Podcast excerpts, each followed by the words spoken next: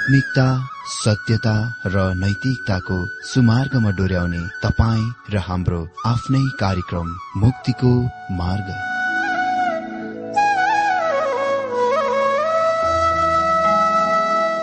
आदरणीय श्रोता यस मुक्तिको मार्ग कार्यक्रममा हार्दिक स्वागत छ। आशा छ यस आत्मिक कार्यक्रमद्वारा जीवनमा आत्मिक आशिष अलौकिक शान्ति र आनन्द प्राप्त गर्नुहुनेछ। र जीवनमा धन्य अनुभव गर्नुहुनेछ। आउनुहोस् श्रोता। मन र आत्माको तयारीको लागि यो मिठो अनि मधुर भजन गीत सुनौ।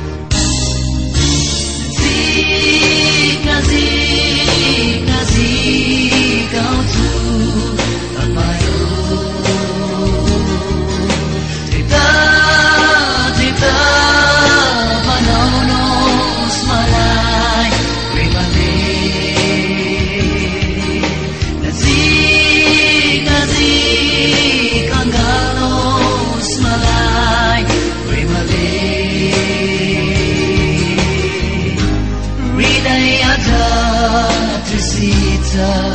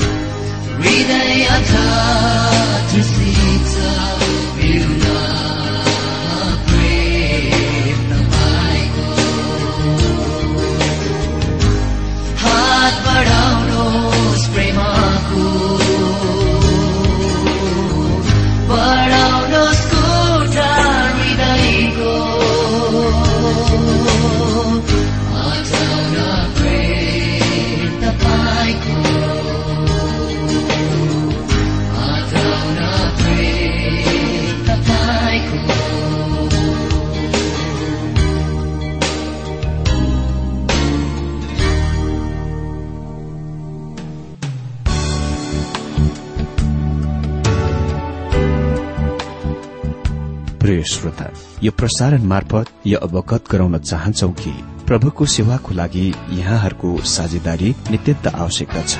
यहाँहरूले प्रार्थनाको साथसाथै आर्थिक सहायता गर्न अनुरोध गर्दछौ। तपाईँहरूको सानो भन्दा सानो भेटी किन नहोस्? हामी प्रभुको नाममा स्वीकार गर्नेछौ प्रभुको सेवाको लागि। तपाईँहरूको यो सानो लगानीले कसैको जीवनमा भिन्नता ल्याउँछ अनि प्रभुको महिमा हुन्छ। प्रभु तपाईँहरूलाई महान गरी आशिष दिनुहुनेछ। इच्छुक श्रोताहरूले तपाईँको इच्छा भेटी हाम्रो ठेगानामा पठाउन सक्नुहुन्छ जुन ठेगाना हामी कार्यक्रमको अन्तमा दिनेछौं।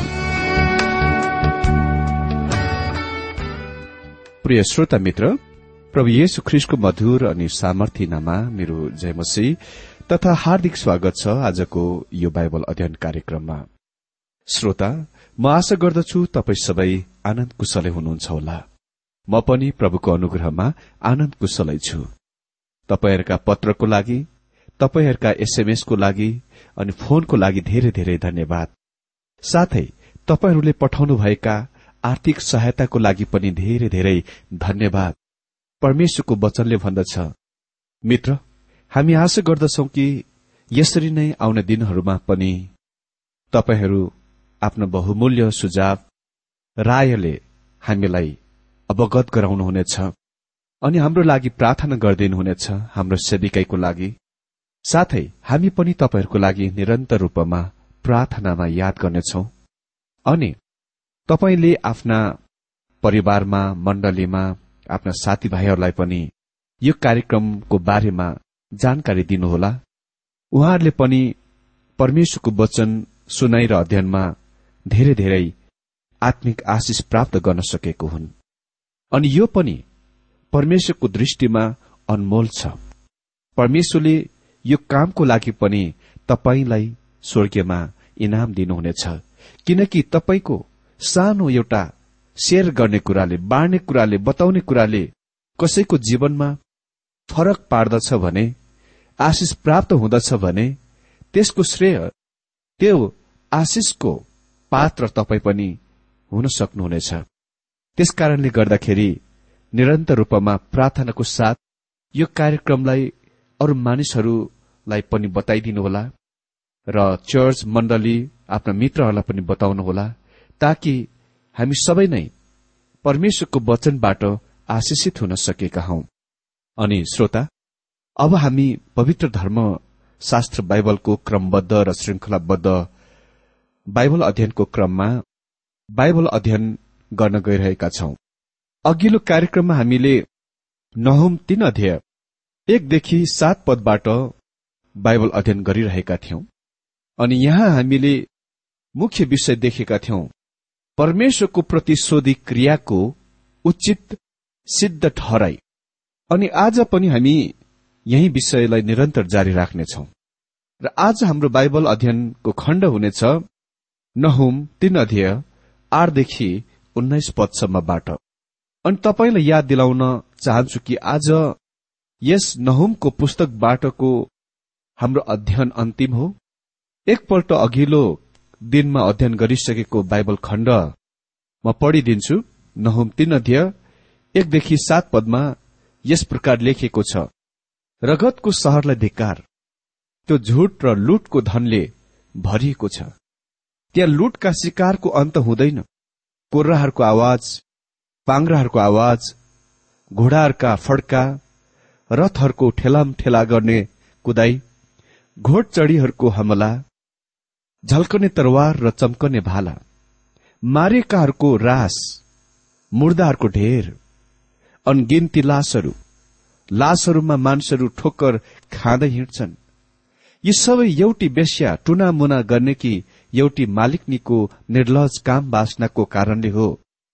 जसले आफ्नो बेस्यापनद्वारा जाति जातिहरूलाई र आफ्नो टुनामुनाद्वारा मानिसहरूलाई दास बनाउँथे। सर्वशक्तिमान परमप्रभु घोषणा गर्नुहुन्छ।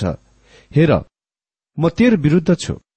तेरा मुखसम्म तेरा फरियाहरू उचाल्नेछु जाति जातिहरूलाई म तेरो नाङ्गोपना र राज्यहरूलाई तेरो शर्म देखाउनेछु तमाथि फोहोर फाल्नेछु म तलाई निच व्यवहार देखाउनेछु र तलाई हाँसोको पात्रो तुल्याउनेछु तँलाई देख्ने जति सबै तँदेखि भाग्नेछन् र भन्नेछन् निन्बे त नष्ट भएको छ।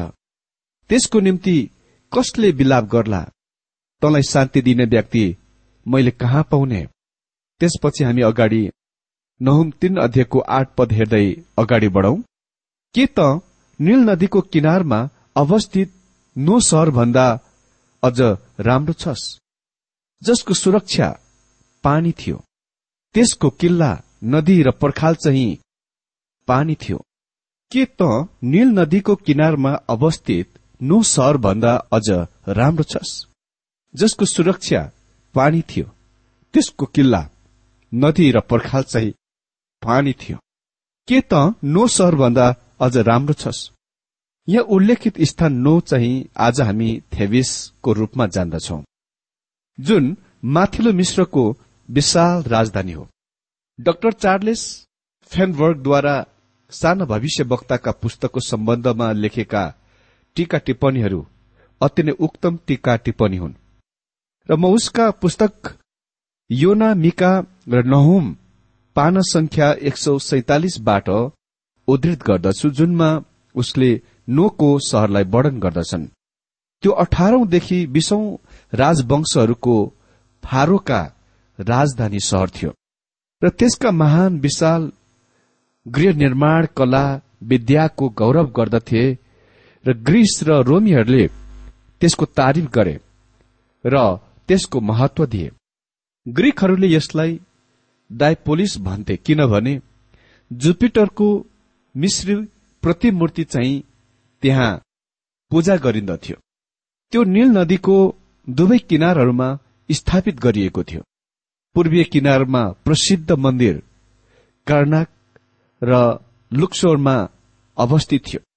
प्रथम ग्रीक कवि हमरले यसको बारेमा भनेथे कि यससँग सयवटा ढोकाहरू थिए। यसका विध्वंसहरूले करिब सत्ताइस मिलका क्षेत्रहरूको ढाकेको छ।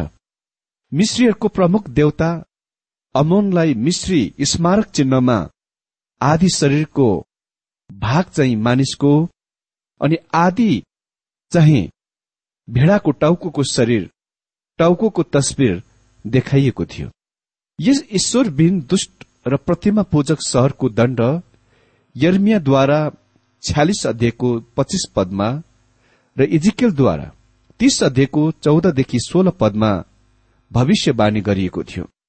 नो अमोन चाहिँ सम्भवत नील नदीको नहरहरू बीचमा स्थित थियो र नील स्वयं चाहिँ सुरक्षा थियो। नील समुद्रको रूप धारण गर्दछ जब प्रत्येक वर्ष त्यहाँ बाढ़ आउँदछ। निन्बेले आफ्नो भाग्यलाई त्यस मोनमा पढ्न सक्छ किनकि त्यो सामर्थ्य शक्तिशाली मिश्री राजधानी भन्दा असल वा उक्तम छैन। परमेश्वरले निन्वेलाई भनिरहनु भएको छ कि थेविसको सहरहरू असुरी साम्राज्यको उदाहरण हुनु पर्नेछ असुरीहरू ती व्यक्तिहरू थिए जसले विशाल सहर थेवेसको नष्ट गरेथे जुनमाथि सजिलै विजय प्राप्त गर्न असम्भव नै देखिन्थ्यो। यो यस्तो देखिन्थ्यो कि कसैले यसलाई लिन सक्दैन र नष्ट गर्न सक्दैन। यो असुरीहरूको निम्ति उदाहरण हुनु पर्दछ परमेश्वरले थेवेसलाई दण्ड दिनुभयो र उहाँ यस तथ्यको उचित र सही भनेर सिद्ध गरिरहनु भएको छ कि उहाँले निन्बेलाई पनि दण्ड दिनुहुनेछ। भनिएको छ के त नील नदीको किनारमा अवस्थित नो सर भन्दा अझ राम्रो छस्? जसको सुरक्षा पानी थियो त्यसको किल्ला नदी र पर्खाल चाहिँ पानी थियो। थेभेस त्यस तरिकामा बनाइएको सहर थियो ताकि बाढ़को समयमा त्यसलाई कति पनि बगाएर लान सकिँदैनथ्यो वा बगाएर भत्किने सम्भावना अति नै कम थियो। बरु पानीले त्यस सहरको लागि प्राकृतिक स्वाभाविक सुरक्षा प्रदान गरेको थियो। नौ पदमा लेखिएको छ कुश र मिश्र त्यसको असीम शक्ति थियो। पुत र लिबिया त्यसका मित्र राष्ट्र थिए यिनीहरू चाहिँ थेवेसका मित्र देशहरू थिए जुन त्यसका आसपास वरिपरि रहेका थिए। थेबिसको सहर एक समयमा मिश्री साम्राज्यको राजधानी सहर थियो। मिश्र साम्राज्यको राजधानी सहर थियो। र यसले यस्तो विचार गर्यो त्यो कहिले पनि पतन हुन गिर्न सक्दैन। किनभने दुवैतिर त्यहाँ ठूलो मरूभूमि थियो। र नील नदी अर्को सुरक्षा थियो। र तिनीहरूसँग उत्तरदेखि दक्षिणमा मित्र देशहरू थिए। कसरी कुनै तिनीहरू कहाँसम्म प्रवेश गर्न सक्थे त? तर असुरीहरू त्यहाँ प्रवेश गरे। भित्र पस्न सके। अनि असुरीहरूले पनि विचार गर्न लागे कि तिनीहरू आफ्नो दिनमा विजय गर्न हराउन नसकिने शक्तिशाली राष्ट्र थिए। यसै प्रसंगमा एकजना अमेरिकी प्रभुको सेवकले आफ्नै राष्ट्रको बारेमा बताइरहेका थिए। उहाँको कथनलाई म उद्धृत गर्न चाहन्छु। भन्छन् आज हामी सोच्दछौ कि हामीलाई रक्षा गर्नलाई हामीसँग पर्याप्त आणविक बम शस्त्र र अन्य अत्याधुनिक र शक्तिशाली शस्त्रहरू छन्। मेरो मित्र जब परमेश्वरको समय आउँछ हामी पतन हुनेछौ गिर्नेछौ। आज हाम्रो उक्तम रक्षा सैनिक हात हतियारको क्षेत्रमा हुनु हुँदैन र छैन पनि। हाम्रो उक्तम रक्षा परमेश्वर कहाँ फर्किने काममा र हाम्रो जीवनमा र हाम्रा सरकारमा उहाँलाई स्वीकार गर्ने काममा र थाहा गर्ने काममा छ। म वासिङटनमा हुने कुराहरूमा कति पनि प्रभावित भएको छैन। तिनीहरूसँग सानो प्रार्थना चिया नास्ता हुन्छ। अनि कोही कोही चाहिँ मैले सुने अनुसार यसमा पनि भाग लिन चाहँदैनन् र मुख फुलाउँदै बाहिर निस्किन्छन् अरे। कोही मानिस ख्रिस्टियन हो भनी मुखले स्वीकार गर्दछन् तैपनि तिनीहरूका मुख भाषा यति धेरै गन्ध फोहोर छ जुनको कति पनि सुन्न सकिँदैन। त्यहाँ आज कस्तो पाखण्डीपन छ। के परमेश्वरले हामीलाई जान दिनुहुनेछ? के हामी कुनै विशेष चिज हौ? मलाई कति पनि यो लाग्दैन। हाम्रो आज उक्तम रक्षा एकपल्ट सरकारमा चरित्रका मानिसहरू पाउनु हो। यद्यपि तिनीहरू ख्रिस्टियनहरू नभए तापनि यदि तिनीहरू चरित्रका मानिसहरू भए कमसे कम परमेश्वरको वचनमा भएको महान नैतिकताको स्वीकार गर्नेछन्। त्यो नै कुराले हाम्रो राष्ट्रलाई निर्माण गर्दछ। मित्र यो बिल्कुल सत्य कुरा हो। चाहे जुनसुकै राष्ट्र कनि शक्तिशाली नै किन नहोस् परमेश्वरले त्यसलाई छिनभरमै पतन गर्न सक्नुहुनेछ। अनि यो हामी इतिहासका पुस्तकहरूमा स्पष्ट रूपमा देख्छौ। दश पदमा लेखिएको छ दश पदमा तैपनि त्यो कैदमा लगियो र निर्वासमा गयो। त्यसका ससाना नानीहरू पनि गल्लीहरूमा बजारिएर मरे। त्यसका भारदारहरूमाथि चिट्ठा हालिए र त्यसका सबै ठूला मानिसहरू सांग्लाले बाँधिए। हेर्नुहोस् यहाँ मित्र यही नै असुरीहरूले थेवेसका बासिन्दाहरूलाई गरेथे र अहिले तिनीहरूलाई पनि बिल्कुलै यसरी नै व्यवहार गरिनेछ। बाइबलले गलाती छ दिएको सात पदमा भन्दछ धोकामा नपर। परमेश्वरको ठट्टा हुँदैन किनभने मानिसले जे रोप्छ त्यसैको कटनी पनि गर्नेछ। एघार पदमा लेखेको छ त पनि मतवाला हुनेछस् त लुकेर बस्नेछस् र शत्रुबाट भाग्नलाई शरण स्थान खोज्नेछस्। असुरीहरू आफ्नो साहसलाई मद्यपान गरेर दृढ गर्न मजबुत गर्न कोसिस गर्नेछन्। तर त्यसले तिनीहरूलाई अलिकति पनि सहायता गर्ने छैन। बाह्र पद। तेरा सबै किल्लाहरू पहिला फसल पाकेका अन्जिरका रूखहरू जस्तै छन्। ती हल्लाउँदा अन्जिरहरू खानेको मुखैमा खस्छन्। मेरो बारेमा तीन चारवटा अन्जिर वा नेभाराका रूखहरू हुने गर्थे। जब अन्जिर वा नेभाराहरू पाक्दथे तपाईँले गर्नुपर्ने काम नै खाली हाँगाहरू छुनु मात्र पर्दथ्यो र तिनीहरू टप टप झर्दथ्यो। यही नै नहुमले निन्वेलाई भन्दछन् तिम्रा सम्पूर्ण रक्षाहरू त्यस्तै छन्। जुन क्षणमा शत्रुहरू आउँछन् त्यस्तै तिमीहरूलाई सिधै आक्रमण गरी परास्त गर्नेछन्। तेह्र पद। तेरा फौजहरूलाई हेर ती सबै स्त्री मात्र छन्। तेरो देशका मूल ढोकाहरू तेरा शत्रुहरूका निम्ति उदाङ्गै छन्। त्यसका गजबारहरू आगोले खाएको छ। म विश्वास गर्दछु कि यहाँ खास विचार यो हो कि पुरूषहरू स्त्रीहरूले जस्तै कमजोर र डरपोक भइरहेका थिए। या यसको मतलब यो पनि हुन सक्छ स्त्रीहरू नै वास्तवमा अधिकारका स्थान ओहदामा थिए। स्पष्ट भावमा भन्दाखेरि मलाई लाग्दैन कि परमेश्वर नारी स्वतन्त्रताको लागि त्यस पक्षमा हुनुहुन्छ जस्तो कि आज हामी सँग छ। म अझ विश्वास गर्दछु कि स्त्रीहरूको स्थान घरमा हो। म यस कुरामा गल्ती देख्छु कि धेरै नारीहरूलाई मण्डलीका प्रमुख स्थानहरू अगुवा पदहरू दिने काममा।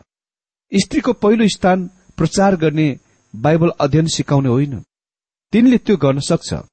त्यसमा मलाई कुनै आपत्ति छैन। तर तिनको प्राथमिक काम चाहिँ आफ्ना परिवारहरूको हेरचाह गर्नु हो। त्यो नै तिनको प्राथमिक स्थान हो। चौध पद। घेरामा पर्ने दिनको निम्ति पानी भरेर राख। तेरा किल्लाहरू बलिया पार। काम गर। हिलो खुट्टाले कुल्ची इटको काम मर्मत गर। अन्तिम क्षणमा असुरीहरू आफैलाई रक्षा गर्न र आफ्ना किल्लाहरूलाई मजबुत गर्न इट बनाउने काममा व्यस्त रहनेछन्। तर तिनीहरूका बचाउको कुनै पनि प्रयासले काम खाने छैन। पन्ध्र पद। त्यहाँ तँलाई आगोले भस्म पार्नेछ तँलाई तरवारले टुक्र्याउनेछ र सलहरले तँलाई सुहा पार्नेछन्। फट्याङ्ग्रो जस्तै अनगन्ती हो सलहहरू झैं संख्यामा बढ। नहुमले भविष्यवाणी गर्दछन्। तिनीहरूले अझ धेरै सैनिकहरू थप्नेछन्। सैनिकहरू ल्याउने छैनन् तर तिनीहरूले सहायता गर्ने छैनन्। अर्को शब्दमा तिनीहरूले सैनिकहरू धेरै थपे पनि तिनीहरूले सहायता गर्ने छैनन्। सोह्र पद। आकाशका ताराहरू भन्दा व्रत तैले आफ्ना व्यापारीहरू बढाएको छस्। तर सलाहहरूले झैं उनीहरूले देशलाई नाङ्गो पारेर ओढी जान्छन् प्रत्येक वर्ष तिनीहरूका राष्ट्रिय धन सम्पत्ति वृद्धि हुन्थ्यो किनभने तिनीहरू महान ठूला ठूला व्यापारीहरू थिए। तर त्यो सबैको अन्त हुन आउनेछ। त्यसको अन्त हुनेछ। सत्र पद तेरा रक्षकहरू त सलह झै छन् तेरा अधिकारीहरू सलहका बथान्जै छन् जो जाडोको दिनमा पर्खालहरू हुँदो बस्छन्। तर जब घाम लाग्छ ती सबै उडिहाल्छन् कसैले जान्दैनन् कता जान्छन्। जब त्यो समय आयो अगुवाहरू लिडरहरू भाग्न कमसे कम केही समयको लागि भए पनि सफल हुने थिए तर अन्तिममा तिनीहरूलाई पनि नष्ट गरिनेछन्। अठार पद। हे असुरको राजा तेरा गोठालाहरू निदाएका छन् तेरा भारदारहरू आराम गरेर पल्टी बस्छन् तेरा मानिसहरू डाँडा काँडातिर छरपट्टै भएका छन् र उनीहरूलाई भेला गर्ने कोही छैन। अनि उन्नाइस पद। तेरो घाउलाई केही कुराले निको पार्न सक्दैन। तेरो घाउ घातक छ। जतिजनाले तेरो विषयमा सुन्छ त्यसले तेरो पतनमा ताली बजाउँछ। किनकि तेरो अन्त्य नहुने निष्ठुरता कसले भोगेको छैन र? मित्र असुरीहरूले निरन्तर पाप गरिरहे पाप गरिरहे। पापमा लिप्त निरन्तर भइरहे। र त्यसको मोज मजाको खेल खेलिरहे। यो तिनीहरूसँग जीवनको तरिका थियो। जब मानिसहरू औंलाले देखाउँदै भन्छन् कि परमेश्वर गलत हुनुहुन्छ उहाँले खराबीको दुष्टताको अनुमति दिनुहुन्छ र खराबी र दुष्टताको बारेमा केही पनि गर्नुहुन्न। परमेश्वर भन्नुहुन्छ म यसको बारेमा केही कुरा निश्चय नै गर्न गइरहेको छु। मेरो मित्र तपाईँ आफ्नो नजर चारैतिर लगाउनुहुन्छ भने हाम्रो संसारमा हाम्रा संसारमा धेरै अन्य अत्याचार बेइन्साफहरू देख्न सक्नुहुन्छ। तर परमेश्वरले ती कुराहरूको बारेमा केही कुरा जरूर गरिरहनु भएको छ। परमेश्वर धर्मी र न्यायी हुनुहुन्छ। उहाँ प्रेमको परमेश्वर हुनुहुन्थ्यो जब उहाँले निन्वेलाई नष्ट गर्नुभयो पतन गर्नुभयो र त्यो बिल्कुलै पतन भयो। यो पृथ्वीको सतहबाट र पृथ्वीको नक्साबाट लोप भयो र परमेश्वरले त्यसको दण्डको लागि आफैमाथि त्यसको सम्पूर्ण उत्तरदायित्वको जिम्मेवार लिनुभयो। मित्र असुरले जे कुरा छरेको थियो रोपेको थियो त्यही कुरा कटनी पनि गर्यो। यो नियम यो सिद्धान्त आज हाम्रो दिनमा पनि हरेक क्षेत्रमा लागू छ। त्यसकारण हामी होसियार हुन आवश्यक छ कि के कुरा हामी छरिरहेका छौं। कि प्रभुको महिमा दिने कुरा छरिरहेका छौं। उहाँबाट इन्साफ पाउने कि बिउ छरिरहेका छौं।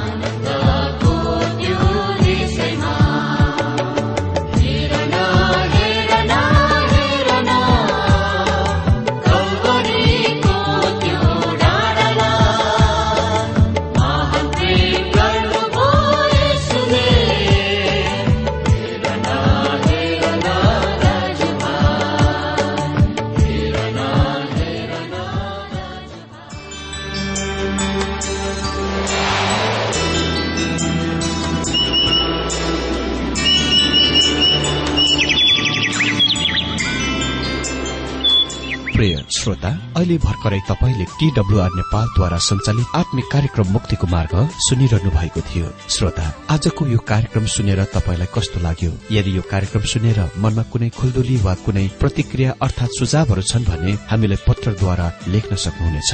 हामी हृदयदेखि नै स्वागत गर्नेछौ स्वीकार गर्नेछौ साथै बाइबल सम्बन्धित प्रचारहरू कार्यक्रम सारणीहरू हामी अनुरोधमा पठाउन सक्छौ। अनि तपाईँसँग कुनै प्रार्थनाको विषय छन् भने हामीले तपाईँको लागि प्रार्थना गरेको चाहनुहुन्छ भने प्रभुमा आफ्नै परिवार सम्झेर हामीलाई पत्रमा लेख्न सक्नुहुनेछ। तपाईँको लागि हामी प्रभु येशुसँग प्रार्थना गर्नेछौ। अधिक जानकारी र पत्रचारको लागि हाम्रो ठेगाना यस प्रकार छ। कार्यक्रम मुक्तिको मार्ग जीपीओ नम्बर उनानब्बे पचहत्तर एपीसी पच्चिस एकसठी काठमाडौँ। ठेगाना एकपल्ट सुन्नुहोला। कार्यक्रम मुक्तिको मार्ग जीपीओ नम्बर उनानब्बे पचहत्तर एपीसी पच्चिस एकसठी काठमाडौँ। हाम्रो इमेल एड्रेस हो TWR Nepal at Yahoo dot com साथै यस नम्बरमा एसएमएस गर्न सक्नुहुनेछ। अन्ठानब्बे चार सत्तरी पैतिस छ सय उनासी नौ आठ चार सात जिरो तीन पाँच छ सात नौ। हुन्छ श्रोता आजलाई हामी विदा चाहन्छौ। अर्को कार्यक्रममा हामी पुनः भेट्नेछौ तबसम्मलाई नमस्कार।